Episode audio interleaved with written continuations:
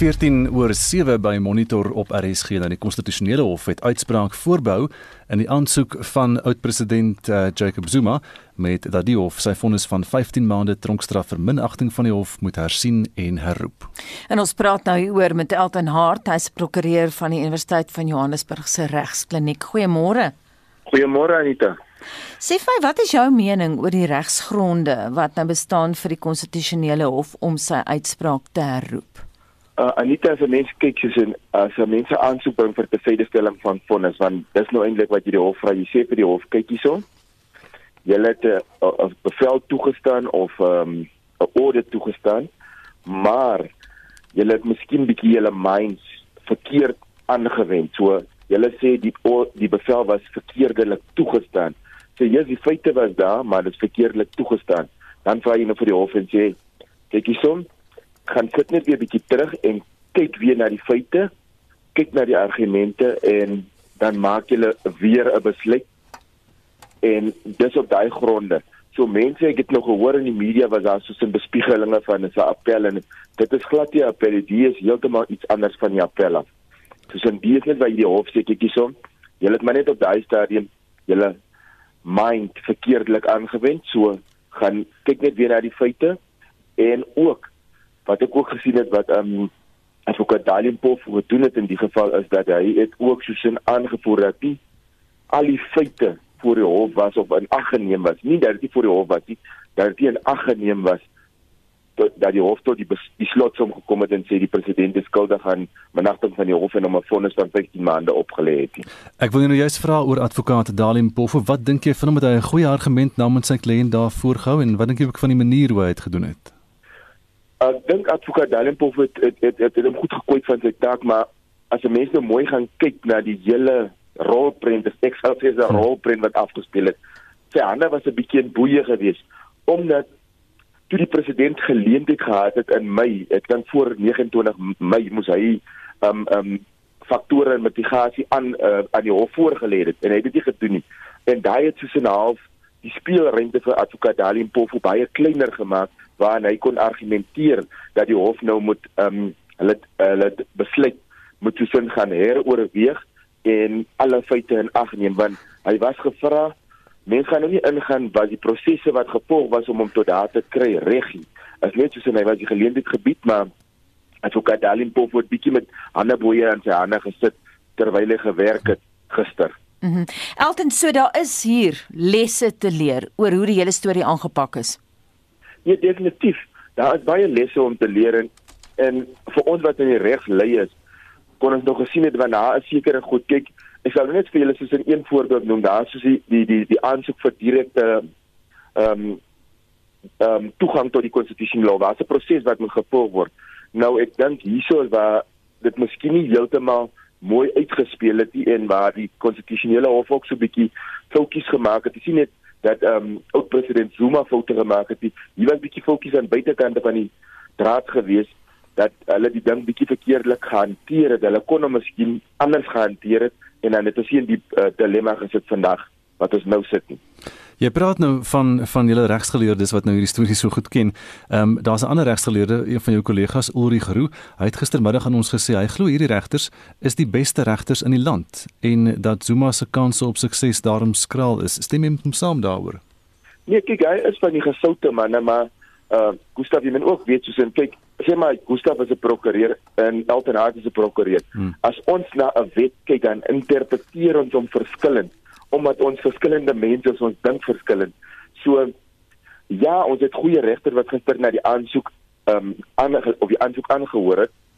Maar as dit noodwendig dat 'n mens nou net gaan sê sy kan sy skralie is as hy miskien vroeër toe hy gevra was om met die uh, faktore mitigasie aan te bied, kon dit miskien 'n hele different ehm um, uitkyk op die storie gegee het. So as maar net meer dat hy miskien slegte advies dan gekry het van sy vorige regteenwoordiger dat dit miskien 'n bietjie meer tilt in die kant dat hy nie die ehm um, bevel gaan kry wat hy gister gevra het in die hof nie. Dis maar min of meer maar die regter wat daar gesit het van baie van hy regter was actually van ons uh, appel of in Bloemfontein die regter hmm. hulle is op 'n deeltydse basis daar so ons voltydse konstitusionele regters was nie daar nie, maar daai manne is ook gesout by die ehm um, appel op so jy het van ons meer senior regters gehad wat gister raak gesit het en ook die vrae wat hulle gestel het aan Dalium Pofu en ook die ander advokaat kon jy gesien het die manne is regtig besig om mooi in die storie te gaan om te ontleed om te sien en kyk was daar uh, soos die Engelsman sê 'n miscarriage of justice. Hmm. Baie belangrik die konteks hier. Die oë van die internasionale gemeenskap is op Suid-Afrika. So wat ook al beslis word, gaan aan die internasionale groot klok gehang word. Nee, inderdaad. Inderdaad kyk die internasionale media want jy kon dit gesien het aan die rand se prys, ook die rand se prys het gewissel.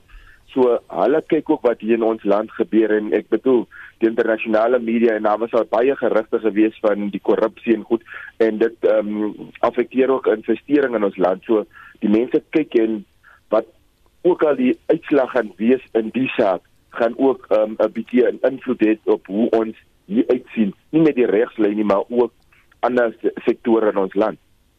As ons nou praat oor oor wat wat die uiteindelik die uitslag gaan wees van hierdie saak, dink jy die regters gaan hulle self laat beïnvloed op enige manier deur wat deur die tonele wat ons in die land sien op die oomblik wat op die oomblik rondom ons almal afspeel in Suid-Afrika? Ek dink ek dink jy ons regters moet gewrik word deur wat afspeel. Hier moet 'n mens net basies gaan kyk wat is die individu se belang en die gemeenskap se belang. En daai wat regters moet doen, hulle moet dit so goed opbeweeg. Die individu se belang teenoor die regse die die die publieke belang.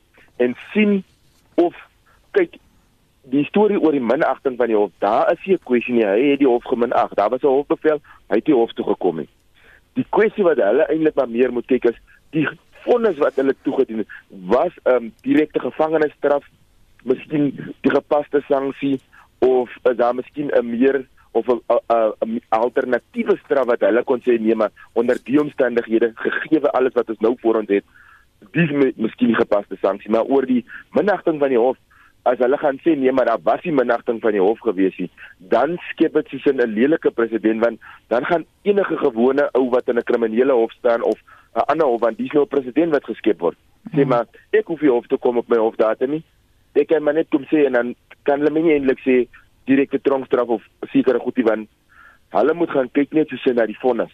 Dis maar min of meer wat ek dink hy die die die die die regters moet gaan fokus op en nie beter aan was daar soos 'n minagting van die hof of nie. Alten, wat is die belangrikste kwessie wat die saak kan swaai? Die belangrikste faktor namens ja, volgens ja.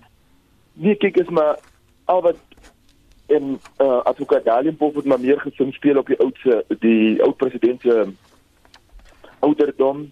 Ehm um, sy gesondheidstoestand en sekere goed rondom dat. Maar dit is maar min of meer waar dit kan draai en hy kan net draai rondom dat die vonnis verminder word. So hulle kan miskien sê nee, maar die gepaste sanksies is 6 maande en dan beteken dit die ou moet 2 weke of 3 weke in eskort ehm um, gevangenes sit en dan kan hy dan sy geregtig op parol. So dis maar min of meer waar dit gaan dry maar oor die aspek van sy skuldbevinding rondom minagting. Daai is soos 'n amper half dis 'n klag is uh, die die beter woord nou soos in is gesettel. Ja. Ek dink dit is net hierso waar ons gaan moet kyk aan hy vonnis hoe ons gaan daai vonnis mee werk, watter tipe vonnis, miskien gaan hulle 'n opgeskorte vonnis gee of iets in hulle en, ek dink in die agterkoppe van die regters dit wat afgespeel het in die land, die proteste, want die mense sê mos nou hulle protes om die oud president ehm um, vrygestel te kry ja. of ge, ontslaan te word van die korrektiewe uh, gevangenes op. Dit is maar nou soos 'n miskien in die agterkop van die regter dat hulle miskien gaan kyk wat se vonnis sal miskien die mense se gemoedere bedaar want hier soos ek gesê het vroeër 'n mens kyk nou die individu se belang teen die gemeenskap se belang. En dit is eintlik 'n verkeerde manier om na dit te kyk maar ek dink dit gaan hier in die agterkop van die regters is want as hulle kom en hulle sê nee maar 15 maande dit mag dit miskien weer geweld laat opvleer in die gemeenskappe. So hulle sal so half mens moenie sê die regters moet half kyk na die goedie maar hulle moet maar so 'n gebalanseerde besluit maak as hulle na die goed kyk. Elton, baie dankie Elton Hart, is 'n prokureur verbonde aan die Universiteit van Johannesburg se regskliniek. En ons bly by die drama in Suid-Afrika. Die politieke wetenskaplike Dr Piet Kroukamp maan dat die betogings in hoofsaaklik KZN en dele van Gauteng behoort nie sonder meer as 'n aanduiding van steun vir Jacob Zuma beskou te word nie. Zuma dien tans strongstraf van 15 maande uit vir minagting van 'n beslissing deur die konstitusionele hof. Nou Kroukamp is van die Noordwes Universiteit se besigheidskool en hy sluit nou by ons aan. Môre Piet. Goeiemôre Gustaf en Anita. Verduidelik waarom jy sê hierdie protesaksie en die brandstigting en die plundering het nie nou meer noodwendig iets met Jacob Zuma te doen nie. Wel, ek dink mens moet na die patroonmatigheid van die gedrag kyk. As dit met Jacob Zuma te doen gehad het, dan sal die area waar hy gevangene gehou word, sal byvoorbeeld daar sal mense opgedraag, daar sal mense by 'n kantlag gewees het en daar sal sien maar bepaalde aksies sien maar by die Unie gebou gewees het. Met ander woorde, dit sal getekende tipe gedrag gewees het wat gefokus is rondom sy omstandighede. Maar dis nie wat gebeur nie. So die vraag wat jy jouself moet vra is wat gebeur in Suid-Afrika wanneer hierdie tipe van noem dit maar plundering uh, wat nou in die gang is, wanneer dit nou uh ontstaan. En ek dink ons moet 'n bietjie kyk wat in Amerika ook gebeur soos die wanneer daar sien nou maar 'n polisieman is wat 'n wat wat 'n swart man vermoor of doodmaak. En dan het jy dieselfde tipe van noem looting wat wat wat wat wat deur die gemeenskap beweeg. En mense moet kyk na wat is die sosiologie van daai gemeenskap uh en dit wat in Suid-Afrika gebeur. Jy sien elke slag sien dis nie in informele nedersettings nie. Dis nie in landelike gebiede nie. Dis nie in sê net maar meer gevestigde uh middelklas hoër middelklas gebiede en dit is altyd vervalle stedelike areas swak dienslewering en waar 'n polisieman baie baie selde sy gesig wys met ander woorde dis omgewings waar daar 'n afwesige staat is so jy moet gaan kyk na die sosiologie van omgewings om werklik die gedrag van mense daar te bepaal so ek dink dan moet nog 'n klomp navorsing gedoen word wat is die oorsprong die wortels van die plundering wat in Suid-Afrika gebeur maar een ding wat ons baie seker weet is dat jy beteken dat jy net 'n vonk en 'n kruitvat nodig. So ek het geen twyfel daaroor dat dit wat uiteindelik met Jacob Zuma gebeur het, het die vonk verskaf nie. Maar die veld wat brand het 'n ander bron. En ek dink dis waarna ons moet kyk. Piet, hoeveel beweegruimte het die president om hierdie ding te hanteer? Dink jy die ontplooiing van die weermag is die regte stap? Wel ek dink uh, dis die enigste ding wat hy oor het. Daar is eintlik niks anders nie. Onder die die polisie weet ons nou is uh, jy het nie werklik kapasiteit om hierdie selfs die onduidelik hierdie is, is eintlik 'n sporadiese verskynsel in die groter konteks van Suid-Afrika. Kom in twee provinsies voor, dit kom langs 'n bepaalde hoofweg voor. Uh, in sekere dele van Durban kom dit voor en enkele uh, doen dit maar hotspots hier rondom Johannesburg kom dit voor. En selfs met sulke beperkte insidensies het die polisie nie die vermoë om te bestuur nie. En wanneer die polisie uiteindelik opdag en noodwendig kom hulle baie laat by die toneel aan. Wanneer hulle uiteindelik opdag, het hulle eintlik net 'n teenwoordigheid en hulle het rubberkoels om te gebruik. Hulle het geen bepaalde gevestigde uh, noem dit nou maar urban uh, terror tipe van strategie om aan te wend nie. Hulle is swak opgelei, hulle is ongemotiveerd en in werklikheid is die polisie nie eers die het nie eens die effektiwiteit in sekere dele van Johannesburg van privaat uh, sekuriteit nie. So dit uh, ek ek dink mens moet mens met uh, die kapasiteit van die polisie is eenvoudig net nie bestaan eenvoudig net nie sterk genoeg om uh, om om om die probleem aan te spreek. So jy bring die weermag in, maar die weermag wat jy onder is nie opgelei vir dit wat hulle moet doen nie. En hulle kan eintlik niks doen behalwe om 'n teenwoordigheid te hê. Jy sal onthou toe ons aan die Weskaap die, die weermag ontplooi het, het die insidensie van moorde as gevolg van gangsterisme het nie afgeneem die eerste 2-3 maande nie. Dieselfde insidensie het voortgaan ten spyte van die teenwoordigheid van die weermag. So die vraag is is nou gaan dit die insidensies laat afneem? Wel, hulle gaan 'n teenwoordigheid hê, maar onder wat kan hulle doen? Hulle kan nie skiet nie. Hulle is nie opgelei om om om, om mense werklik te arresteer nie en hulle kan in werklikheid kan hulle geen vorm van polisieering doen behalwe met teenwoordigheid te hê nie. So indien die koue nie vir ons gaan help nie, ek dink die koue kom ja. net op die regte tyd. Indien die koue ons nie gaan help nie, kan jy kry dat hierdie insidensie kan voortgaan ten spyte van die teenwoordigheid van die weermag en die polisie. Maar die polisie was taamlik merkbaar afwesig geweest. Oral waar ons joernaliste was, was daar net eenvoudig nie polisie nie, maar die, en die mense bedra die winkelsentrums leeg. Hier's van ons luisteraars wat vra vanoggend maar die polisie, eh, waar's daai waterkanon van hulle wat hulle so maklik op die protes uh, gangers by die parlement skiet? Daar was daar was 'n interessante navorsing gewees uh, in Brittanje dink ek uh, oor oor oor ook oor oor hierdie tipe van plundering wat plaasgevind het. En die vraag wat vir die meeste van die plunderaars gevra het, wat was die omstandighede waarbinne dit gebeur het? En die meeste was noem dit nou maar die mob mentality wat plaasvind waar, waar mense individuele mense se gedrag totaal verander omdat hulle binne groot groepe beweeg. Maar die heel belangrikste faktor was dat die feit dat die mense gedink het daar sal nie konsekwensies wees nie. Jy hmm. kan doen wat jy doen, maar daar is geen gevolge nie. Nou ongelukkig in Suid-Afrika as jy kyk byvoorbeeld na ons moordsyfer, daar word elke dag word daar sê net maar uh 58 na 60 toe mense word vermoor in Suid-Afrika van daai 58 tot 60 mense wat vermoor word, sal miskien 5 of 6 mense sal dalk uiteindelik geregtigheid kry. Met ander woorde, 50 van die moordenaars gaan wegkom. So as jy 'n winkel plunder, nie een van daai mense ontbreek. Net maar ons arresteer 10 of 20 of selfs 300 mense, dan het jy van die duisende wat geplunder het, het jy 300 mense gearresteer. Met ander woorde, die groter persepsie is daar is nie gevolge nie. En dit is ongelukkig, ek dink wat wat in Suid-Afrika die die primêre uh, persepsie is van misdaad. In die eerste plek, dis kosteloos. In die tweede plek, daar is nie gevolge vir jou nie. In die derde plek is dis high dis low risk en high reward soos hulle in Engels sê. Mm. Nie een van daai mense wat daai winkels geplunder het, gaan werklik tot verantwoording geroep word. Die waarskynlik selfs die mense wat ons gesien het hoe laai hulle televisies in hulle karre. Mm. Die kans dat die polisie na die tyd daar gaan aankom en die televisie gaan terugvat is omtrent nul. Met ander woorde, jy kan doen wat jy doen met geen gevolge nie. Piet, wat van iets heel anders? Sou Jacob Zuma 'n boodskap vanuit die tronk kon lewer wat almal sou laat bedaar? Ek dink dis die heel laaste doen ek moet hom nie daai geleentheid gee nie want dit sal weer eens die gedrag wat buite plaas in die wanorde buite koppel aan sy identiteit en dit kan die ding nuwe momentum gee. Uh en ek twyfel ernstig of hy enige invloed gaan hê. Onthou die die die die, die voordeel van plundering is baie baie groter as om jouself te gedra in terme van 'n politieke boodskap. Die eerste plek sal dit op 'n platform gee om te praat. Dit kan dalk selfs mense aanmoedig om bepaalde goed te doen en ek dink nie hy het daai tipe invloed nie. Onthou hy was nie hierdie populistiese president wat baie mense dink hy was nie. Hy was 'n kaderontplooide president wat korrupsie op die hoogste vlak uh voor weet bemiddel het. En baie keer onderskat ons die werklike weerstand wat die burgery in Suid-Afrika teen korrupsie. Daar is 'n grondige weerstand teen korrupsie. Dit beteken nie dat dit oorspoel in mense se gedrag wanneer dit kom by sien maar wanorde en plundere en misdaad nie. Maar daar was 'n daar is 'n grondige beersing in die tipe van korrupsie waaraan Zuma skuldig gemaak het. Hy is nie 'n populistiese president nie. Uh, Piet, dink jy uh, Cyril Ramaphosa moes gisterand meer kragdade gewees het, kop laat rol het, meer aksie geneem het? Nee, dis dis 'n verskriklike fyn lyn wat hy met loop. Jy moet onthou jy sit met 'n swak polisie mag en jy sit met 'n onopgeleide weermag. So as jy op 'n kragdadige manier loslaat in die samelewing dat jy skep dit vir jou ontsaglik baie probleme. En die tweede plek is ek dink nie die president wil die indruk laat dat hy empathieloos is vis-à-vis wat gebeur nie. Dan het baie van die mense in hierdie gemeenskappe waar hierdie tipe goed gebeur, die plundering gebeur, is werklik arm gemeenskappe. Ek sê nie armoede dryf die plundering nie. Dit speel 'n bepaalde rol maar jy wil nie die indruk laat dat jy onsympatiek is teenoor die gemeenskap waar werklike armoede te midde van COVID-19 se inperkings se goed, te midde van geweldig hoë werkloosheid. Onthou ons het met 42% uitgebreide werkloosheid.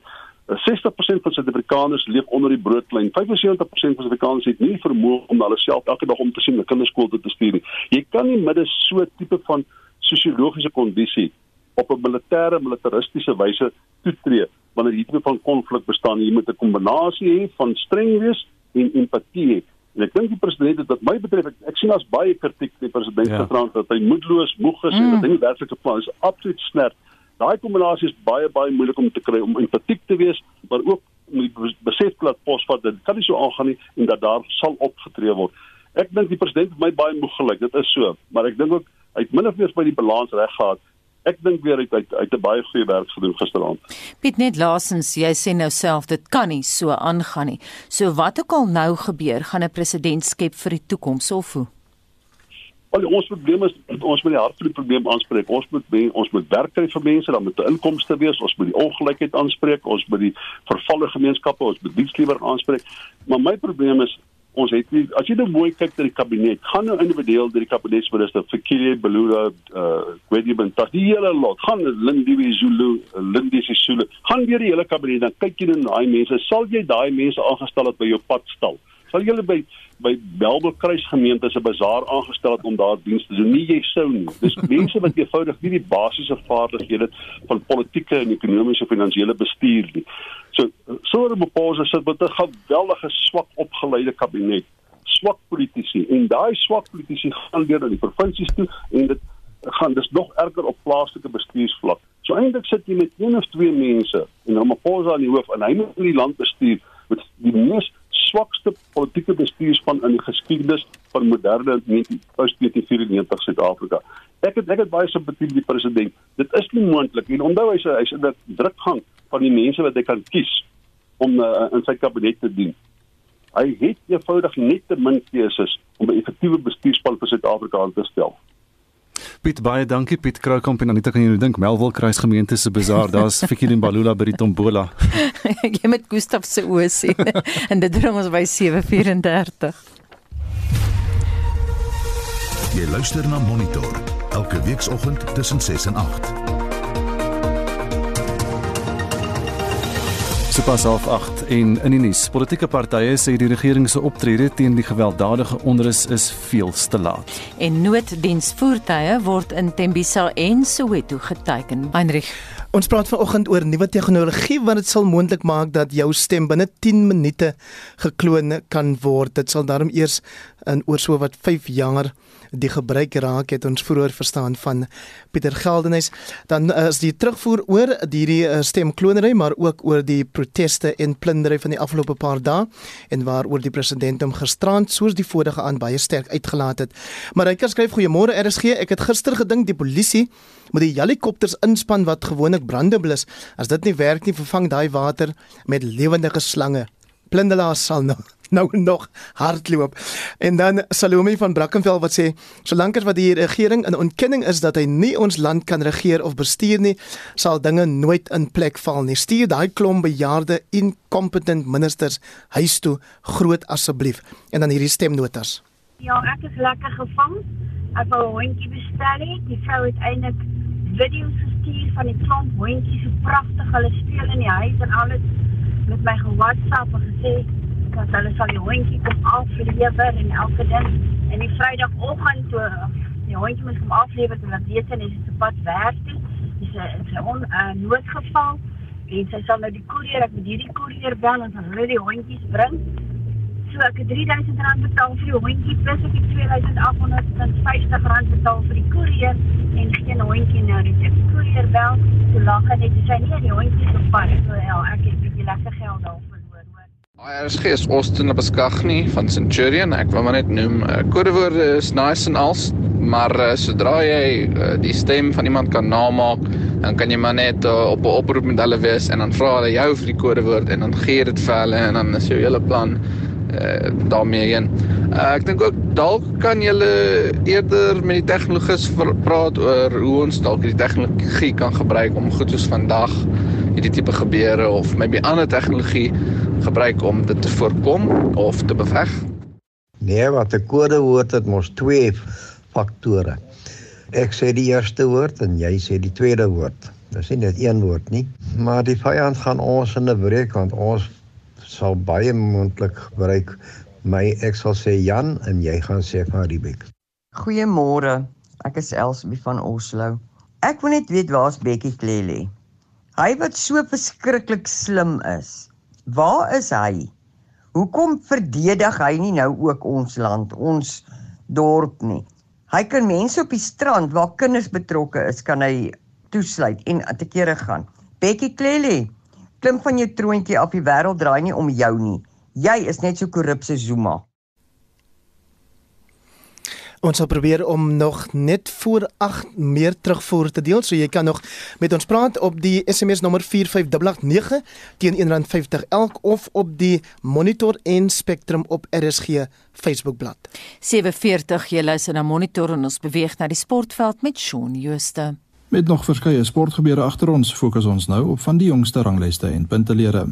Die Springbokke se tuistoetsreeks teen die Britse en Ierse leeu's vind tussen 24 Julie en 7 Augustus plaas. Suid-Afrika is nog nommer 1 op wêreldrugby se jongste ranglys met Nieu-Seeland tweede en Engeland derde. Ierland bly vierde en Australië is nou vyfde. Die Wallabies loop 1-0 voor in hulle tuistoetsreeks teen Frankryk met die tweede toets wat 12 uur gespeel word. In die Karibebeker reeks staan die WP nou op 12 punte na 4 wedstryde. Die Pumas is tweede op 11 en Griquas en die Bulle derde en vierde op 10 punte elk. WP het ook bo aan die punteleer op die Suid-Afrikaanse vroue premier divisie punteleer geëindig en 48 van die 50 punte opgeraap. Grens het tweede op 34, die OP derde op 21 en die Boland vierde op 18 punte geëindig. Die WP en Grens het ook dus na Saterdag se eindstryd deurgedring die WP is ook die verdedigende kampioene. Kriket. Ierland en Suid-Afrika pak mekaar later vanoggend in die tweede wedstryd van hulle eendagreeks met die eerste wedstryd wat uitgereën het. Engeland beoog ook om skoonskap in hulle eendagreeks teen Pakistan te maak. Die twee spanne sien mekaar vanmiddag 2 uur in die derde en laaste wedstryd die stryd aan. Die Windies loop 3-0 voor in hulle T20 reeks teen Australië. Hulle het die reeks van 5 wedstryde vanoggend na 'n oorwinning van 6 paltjies beklink. Chris Gayle was die speler van die wedstryd en het 67 lopies aangeteken. Sokker. In die Kusafa beker toernooi in Kaapberg is Eswatini die voorlopers in groep A op 6 punte na 3 wedstryde. Suid-Afrika het ook 6 punte, maar het nog net 2 wedstryde gespeel. Namibië is die voorlopers in groep B ook op 6 punte en ook na 2 wedstryde. Namibië speel vanmiddag 12:00 teen Malawi en Senegal teen Zimbabwe. 3:00 kom Suid-Afrika teen Lesotho en Botswana teen Zambië te staan. Tennis. Novak Djokovic van Servië het sy 20ste Grand Slam titel ingepalm toe hy Wimbledon Sondag vir 'n 6ste keer gewen het. Hy bekleed ook die nommer 1 posisie op die jongste mansranglys. Die Rus Daniel Medvedev is tweede met die Spanjaard Rafael Nadal derde. Suid-Afrika se Lloyd Harris klim met een plek na 50ste terwyl Kevin Anderson met 11 plekke terugsak na 113de. Ryan Klassen is 23ste op die dubbelspelranglys. Ashley Barty van Australië bekleed die nommer 1 posisie op die vroue ranglys met Naomi Osaka van Japan tweede en Aryna Sabalenka van Belarus derde. Golf. Die Amerikaner Dustin Johnson is weer terug op nommer 1 op die jongste mansranglys met die Spanjaard Gon Ram weer tweede en Justin Thomas ook van die VSA steeds derde. Suid-Afrika se Louis Oosthuizen bly 13de, Gary Kigo val met 1 plek na 40ste en Christian Besaidnout klim met 2 plekke na 45ste. Die top 3 vroue spelers Nelly Korda van die FSA en Jin Young Ko en Inbi Park van Suid-Korea bly onveranderd. In Suid-Afrika se Ashley Buy is 76ste. Laastens in fietsrynuus. Die Tour de France kom Sondag na 21 skofte tot 'n einde. Die verdedigende kampioen Tadej Pogačar van Slovenië dra steeds die geel trui en dit is na 15 skofte. Hy is 5 minute 18 sekondes voor Rigoberto Urán van Kolumbie en 5 minute 32 sekondes voor Jonas Vingegaard van Denemarke in die derde plek. Suid-Afrika se Louis Mentjes sit ook sy goeie vertoning voort en is net so oor die 29 minute terug in die 15de plek. Shaun Schuster, SAK Sport. 16 voor 8 by Monitor op RSG nou vir wêreldnuus gebeure sluit Estie de Klerk nou by ons aan. En ons begin in Kiba vanoggend waar tientalle mense in hegtenis geneem is nadat duisende aan 'n protesoptog teen die kommunistiese regering deelgeneem het daar. Die president van Kiba Miguel Diaz-Canel blameer die FSA vir die onluste terwyl president Joe Biden Kiba aanmoedig om na die protesgangers te luister. Môre Estie Môre Gustaf en die BBC berig die media en oppositiepartye in die land sê inwoners is opgestook deur die verval van die ekonomie, kos en mediese tekorte en die regering se hantering van die COVID-19 pandemie. Dis raar vir Kibane om aan protesoptogte deel te neem en hier is wat van hulle te sê gehad het. We are here because of the repression against the people. They are starving us to death. Havana is collapsing. We have no house, we have nothing. But they have the money to build hotels and they have us starving. Kiba se president het glo aan sy ondersteuners gesê om die protesgangers teen te staan en aan die protesgangers het hy die boodskap gehad blameer Amerika. A todos los revolucionarios del país there will be a revolutionary response. So we call upon all the revolutionaries in the country, all the communists, to take to the streets of any of the places where these provocations are going to take place. Vir dekades lank was Kuba 'n brandpunt in die Koue Oorlog tussen die VS en die Sowjetunie en gedurende die tyd het honderde duisend Amerikaners, ekskuus uh, uh, tog Kubane na die VS veral na Miami in Florida gevlug en in Washington het president Joe Biden ook 'n boodskap gehad. I don't think we've seen anything like this protest uh, in a long long time. If quite frankly ever. The United States stands firmly with the people of Cuba as they assert their universal rights, and we call on the government, government of Cuba, to refrain from violence and their attempts to silence the voice of the people of Cuba. En dis die stem daar van die Amerikaanse president Joe Biden. En nou verskuif ons die fokus dan na Frankryk waar president Emmanuel Macron aangekondig het dat alle gesondheidswerkers teen September ingeënt moet wees of hulle sal nie betaal word nie. Ja, en hy het die aankondiging gemaak met die toename van COVID-19 gevalle in die land weens die Delta variant. En die president sê die inenting van gesondheidswerkers sal verpligtend wees vir alle gesondheidswerkers wat in hospitale, klinieke en tuise vir bejaardes werk. Minder as 40% van die Franse bevolking het reeds twee inentings ontvang en nie alle gesondheidswerkers is gelukkig met die president se besluit nie. Si c'est obligatoire. If it's compulsory, we'll do it, of course. Pour moi, contraindre... For me, forcing an agent to be vaccinated with a specific product is total nonsense. 'n Nuwe regulasie sal ook beteken dat mense wat nie ingeënt is nie, nie toegelaat sal word in restaurante of teaters nie en sal nie kan reis sonder 'n negatiewe COVID toets nie. En Griekeland het ook aangekondig inenting sal van September af verpligtend wees vir gesondheidswerkers en dit is alreeds verpligtend vir werkers wat mense tuis verpleeg. En en dan na Irak waar meer as 50 mense dood is nadat 'n brand uitgebreek het in 'n koronavirus isolasieeenheid van 'n hospitaal in Nasiriyah in die suide. En die brand in die Al Hussein Hospitaal is laat gisterand onder beheer gebring. Die oorsaak van die brand is onbekend, maar daar word vermoed dat 'n suurstoftank ontplof het. Familielede van pasiënte het begin om buite die hospitaal te betoog en daar is opdrag gegee dat die hoof van die hospitaal in hegtenis geneem moet word. Die eenheid van die hospitaal waar die brand ontstaan het, is net 3 maande gelede gebou en het plek gehad vir 70 beddens. En gesondheidswerkers berig daar was 63 mense in die eenheid toe die brand uitgebreek het. Esther de Klerk met 'n oorsig oor vanoggend se wêreldnuusgebeure.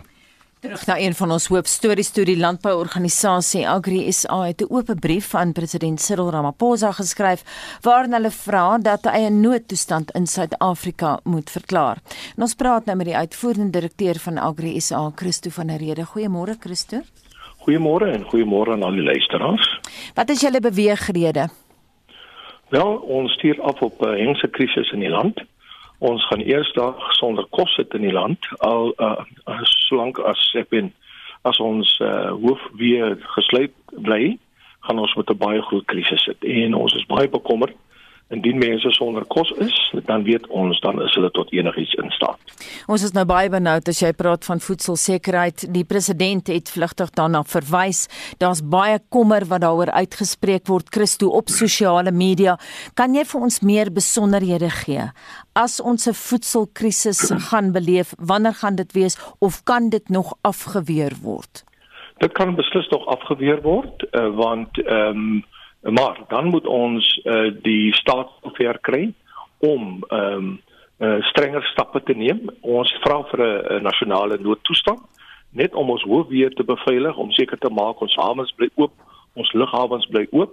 Uh ons vra ook dat ons markte in die land uh, beskerm moet word teen uh, vandalisme uh, uh en uh en dat ons winkels beskerm word teen hierdie vandaliste want dit is ons onaanvaarbaar dat ons winkels gestroop word, afgebrand word, want dit is die enigste plek waar mense in veral in stedelike gebiede hulle kos kan kry. Julle het al herhaaldelik op monitor gesê dat Agri SA eintlik 'n goeie verhouding met die regering het, dat julle kommunikasie relatief gesproke baie goed is. Het julle reaksie gekry van die president? Nou ons het uh, ontvangserkenning gekry. Ons het ook 'n skrywe aan die minister uh, minister van polisie gestuur aan ons gevra het vir ekstra hulp vir KwaZulu-Natal veral want hulle het ook gister begin om van die suikerplantasies te brand en ook om uh beveiligingsplekke waar diere aangehou word aan te val en om diere weg te dra. Uh so hopelik ehm um, jy weet ons is eintlik 'n bietjie teleeggestel in die president se toespraak gisteraand. Ons het verwag dat hy baie sterker sou uitkom. Uh ons het ook verwag dat uh, die nodige intelligensie die naweek sou ingespan word om te verseker dat hierdie ding nie hand uitdruk nie want kriminele het dit oorgevat en hoe kan ons as 'n grondwetlike staat toelaat dat kriminele die land bedreig en ook die algemene bevolking se welstand bedreig. Christo, kan jy uitbrei op daai punt wat jy nou net gemaak het dat jy ook gevra is om te help byvoorbeeld in KZN? Inderdaad, ons het gesien dat daar verskeie brandpunte in uh, KZN. Die polisie het in baie gevalle net staan en toe kyk. Uh, ons is absoluut geskok om te sien hoe uh, selfs in sekere gevalle is daar uh, video's wat wys hoe van die polisie betrokke was by van hierdie uh, misdadige optrede en goed in polisiewaans uh, gepak het uh, gesteelde goedere.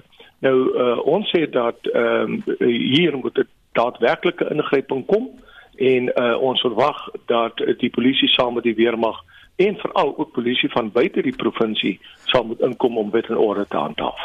Ek is ook nou benou dat jy sê van die suikerrietlande word nou ook gebrand en so in die boere loop deur. Geef ons meer inligting daaroor. Jy weet, monitor dit baie boere wat luister hierdie tyd van die oggend.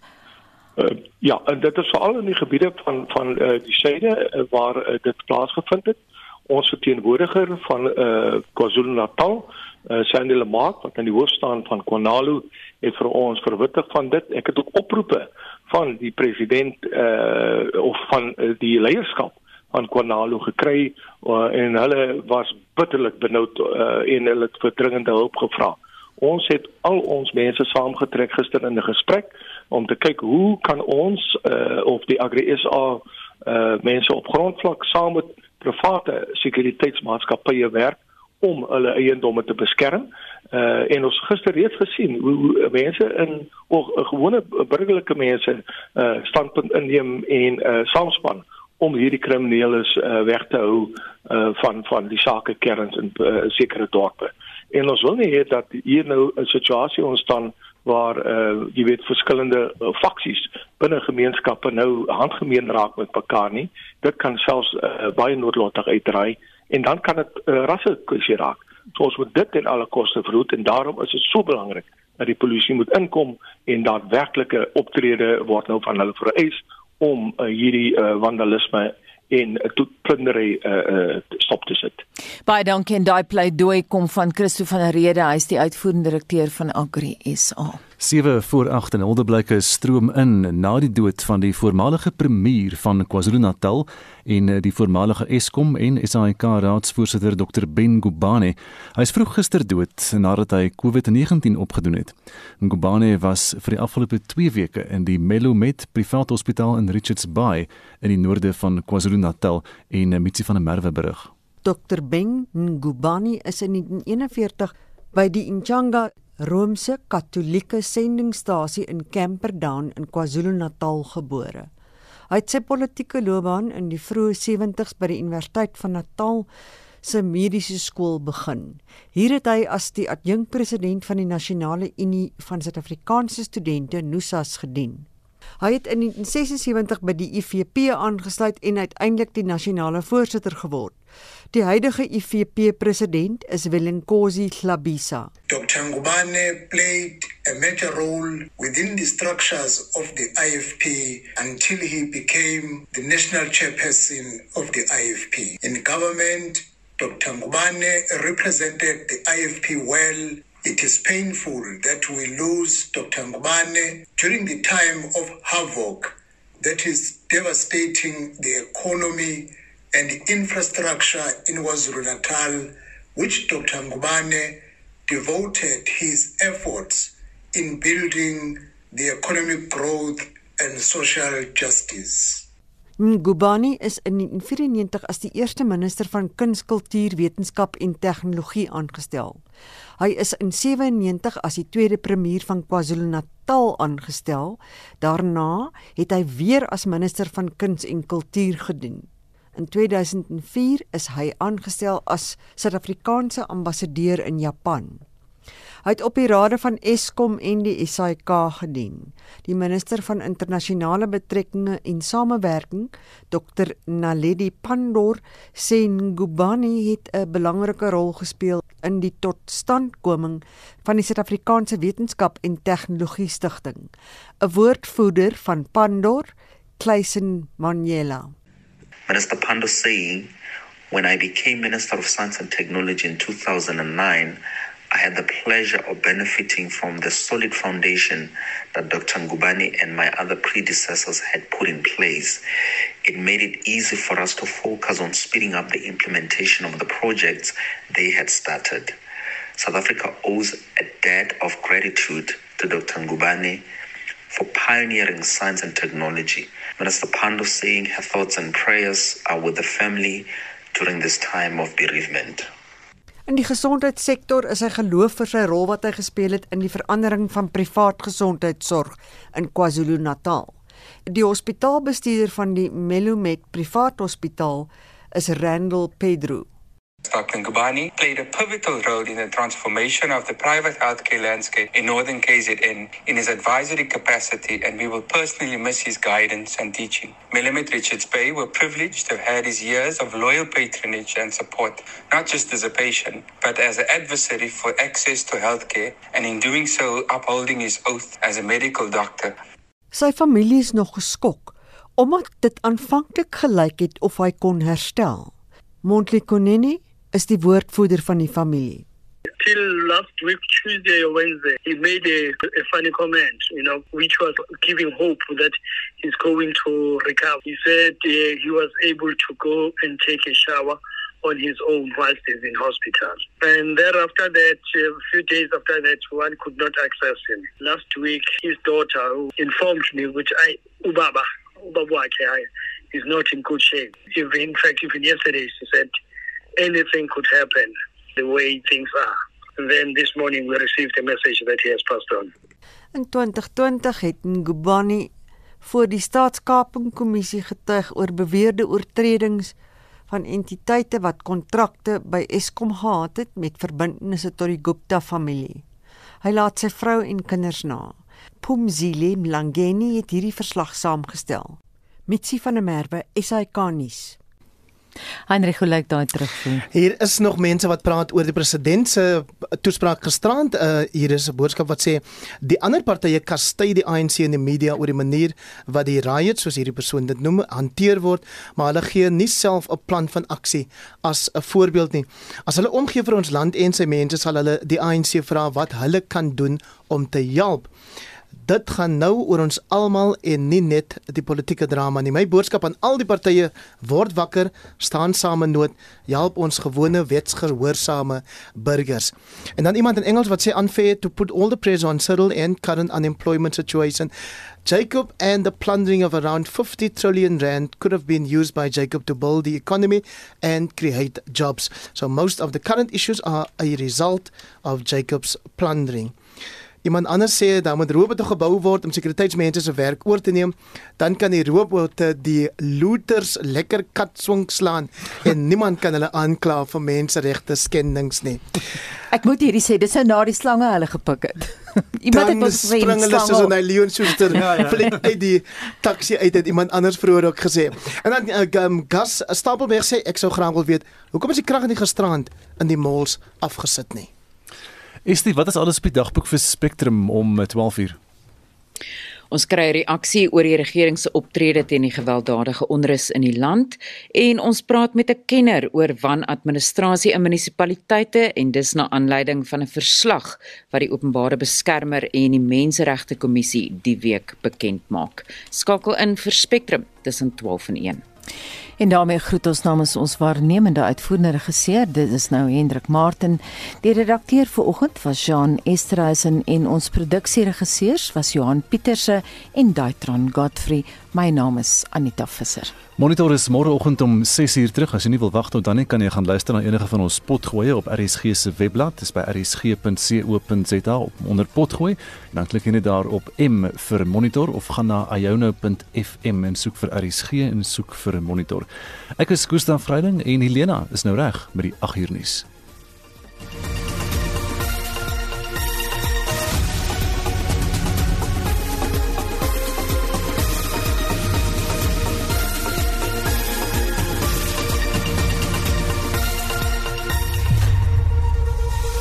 SAK nuus. Onafhanklik, onpartydig.